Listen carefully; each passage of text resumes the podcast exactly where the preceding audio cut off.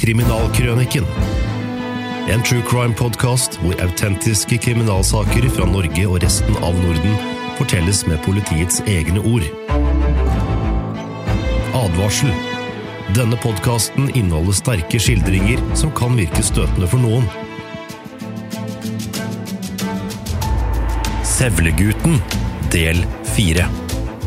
Denne episoden er bygget på en tekst av politibetjent Bernhard Sandtveit.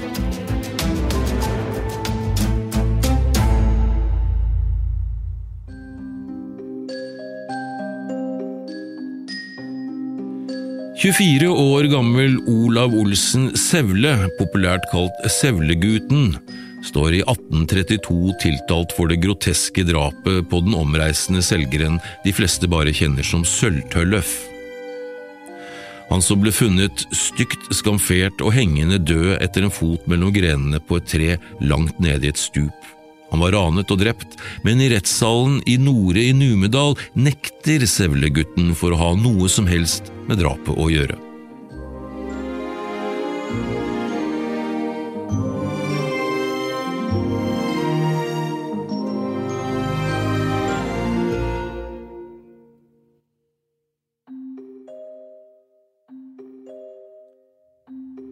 Du er en forherdet ung mann, Ole, du nekter selv de mest opplagte ting, sa sorenskriver Falsen oppgitt. Ellers gikk avhørene i Nore mest ut på å få slått fast hvilken villstyring Sevigutten var.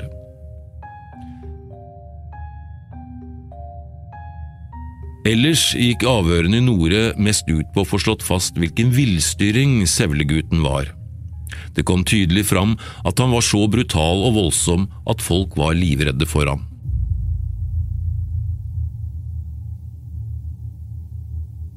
En juledagsmorgen hadde han truet en mann på livet.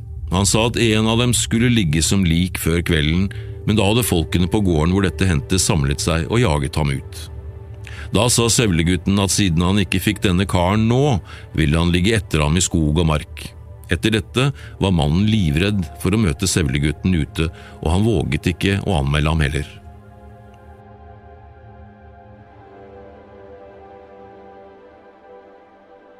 Under disse avhørene kom det opp en alvorlig sak.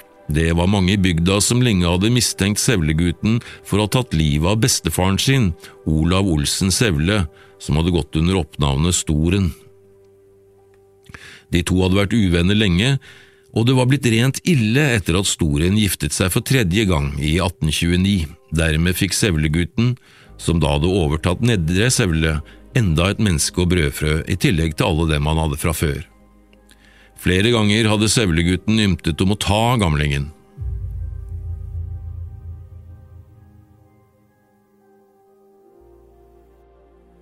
Til Nedre Sevle hørte det flere setere. To av dem var Langsetra og Bukjønnsetra, disse lå like ved hverandre ved Slokovannet. Sommeren 1831 lå gamle Storen og kona hans Ragnhild på Butskjønnsetra. Storen var da 78 år gammel. I august var Sevlegutten, foreldrene hans og søsknene på Langsetra og drev med seterslåtten. En søndag ettermiddag gikk Sevlegutten og en bror, Reidar, til farfaren på Bukjønnsetra. Reidar ville kjøpe ku, og Sevlegutten ville låne en melkeringe, et slikt kar man bruker til å sette melk eller fløte bort for surning i gamle dager. Storen brydde seg ikke med å snakke med Sevlegutten, og etter en kort stund gikk han ut. Sevlegutten fikk det travelt med å komme seg av gårde så snart Storen var gått ut. Han skulle hjem til Langsetra, sa han, og spurte om ikke Reiar også skulle gå snart. Men Reiar var ikke ferdig med krøtterhandelen ennå, og ble igjen på Bukjønnsetra i over en halv time etter at Sevlegutten var gått. Da Reiar omsider kom tilbake til Langsetra, var Sevlegutten der. Før Storen gikk ut, sa han at han ikke ville bli lenge, men det ble kveld, og han kom ikke tilbake. Kona hans ble redd for ham og dro til Langsetra, men der hadde ingen sett noe til ham. De lette etter ham til langt på natt uten å finne spor. Neste morgen lå en pram og drev på vannet et par hundre meter fra Bukjønnsetra. Da folkene fikk dratt den til lands, var den halvfull av vann, ellers tom og uten årer. Folk tenkte seg at Storen må ha tatt båten, kan hende reist seg opp i den og så falt over bord. Han hadde klaget over svimmelhet av og til i den siste tiden.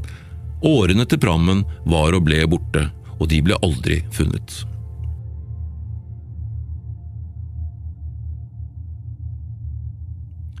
Det ble soknet etter Storen i hele åtte dager før han ble funnet. Sevlegutten var med da de fant ham, han satt bakerst i prammen og holdt i liket mens de to andre rodde til lands.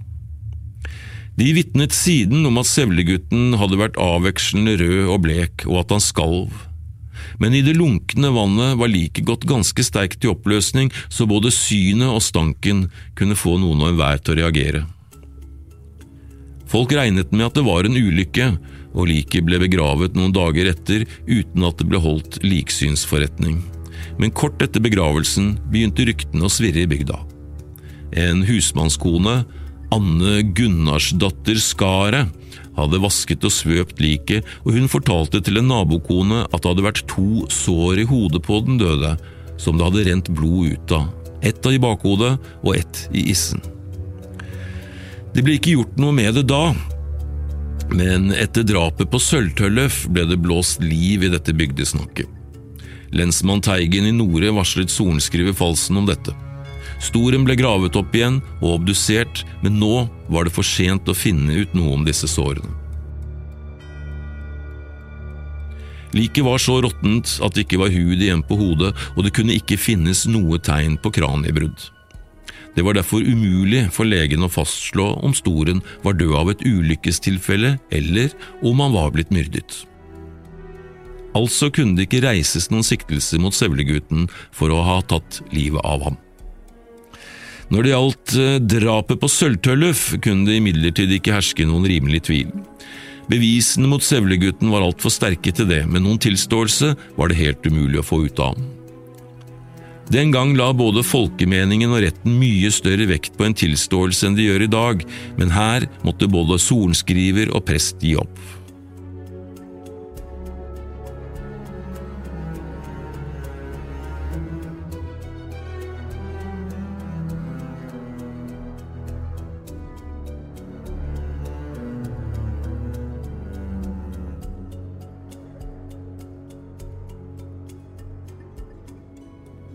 Sevlegutten ble sittende i lensmannsarresten på Kopseng en tid utover ettervinteren. Men så døde lensmann Kopseng, og en 35 år gammel mann fra Sigdal, Johan Paulin Bellerud, ble lensmann etter ham. Bellerud skulle også være lensmann i Sigdal og Krødsherad. Han bodde på gården Støvern, som ligger langt ute i Sigdal, omtrent tre og en halv mil fra Kopseng. Da Kopseng var død, ville ikke eggedølene lenger ha ansvaret for vakthold over Sevlegutten. Johan Bellerud skulle overta ansvaret, og da han ikke kunne føre noe tilsyn med det som gikk for seg på Kopseng, ble Sevlegutten flyttet til lensmannsgården Støvern. Der var den nye lensmannsarresten gjort forsvarlig i stand i drengestuebygningen, og her ble Sevlegutten sittende utover sommeren 1832.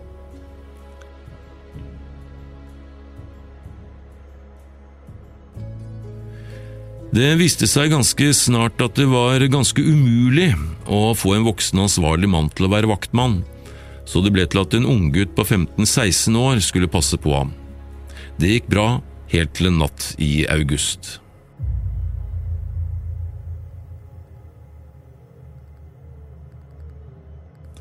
Da måtte Sevlegutten ut et lite ærend, og vaktgutten fulgte ikke med ham ut. Dermed stakk Sevlegutten til skogs.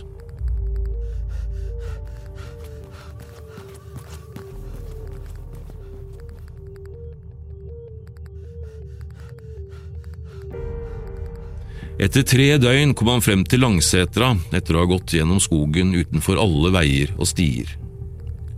Langsetra var jo hans egen seter, og der var han kjent.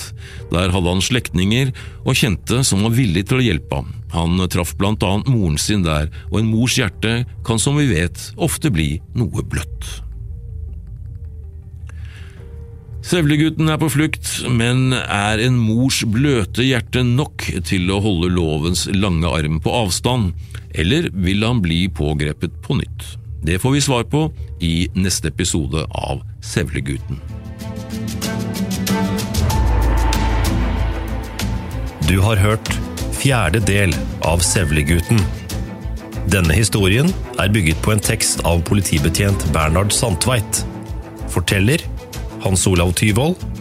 Produsent Marianne Moe og Christian Gilsvik. Podkasten er produsert av Radio Metro.